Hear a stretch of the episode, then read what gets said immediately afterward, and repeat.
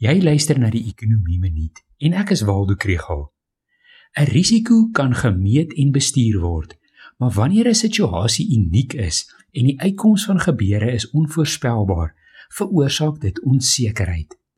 Beleidsonsekerheid is wanneer ekonomiese besluitnemers onseker is oor die gevolge van regeringsbeleid. Navorsing wys dat dit veroorsaak dat investering uitgestel word en dit demp ekonomiese groei. Ongelukkig is daar weekliks voorbeelde van beleidsonsekerheid in Suid-Afrika. Andrei de Ruyter, die hoof van Eskom, het vroeër aangekondig dat hulle sommige steenkoolkragstasies vroeër wil laat aftree as wat aangedui is in die geïntegreerde hulpbronplan. Dit moet dan vervang word met 7400 megawatt se nuutgeboude hernubare energieopwekking. Daarvoor wil Eskom 180 miljard rand leen maar het 'n regeringswaarborg nodig om dit te doen.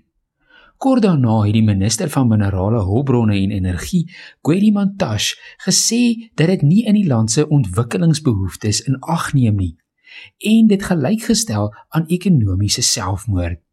Sy bekommernis oor ontwikkelingsbehoeftes gaan oor die werksverliese wat steenkoolkragopwekking gaan lei. Nog 'n voorbeeld was die minister van sosiale ontwikkeling Lendiwe Zulu se voorstel vir 'n nasionale fonds vir maatskaplike sekerheid.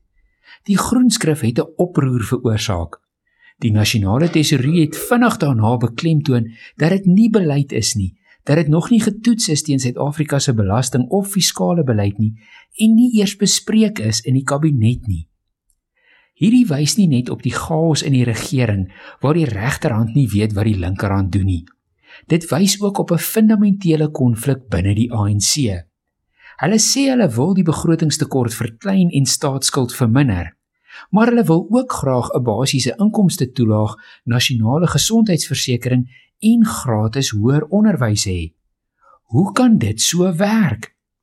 Beleggers weet ook nie en dan wag hulle maar eerder voordat hulle uitbrei en werk skep.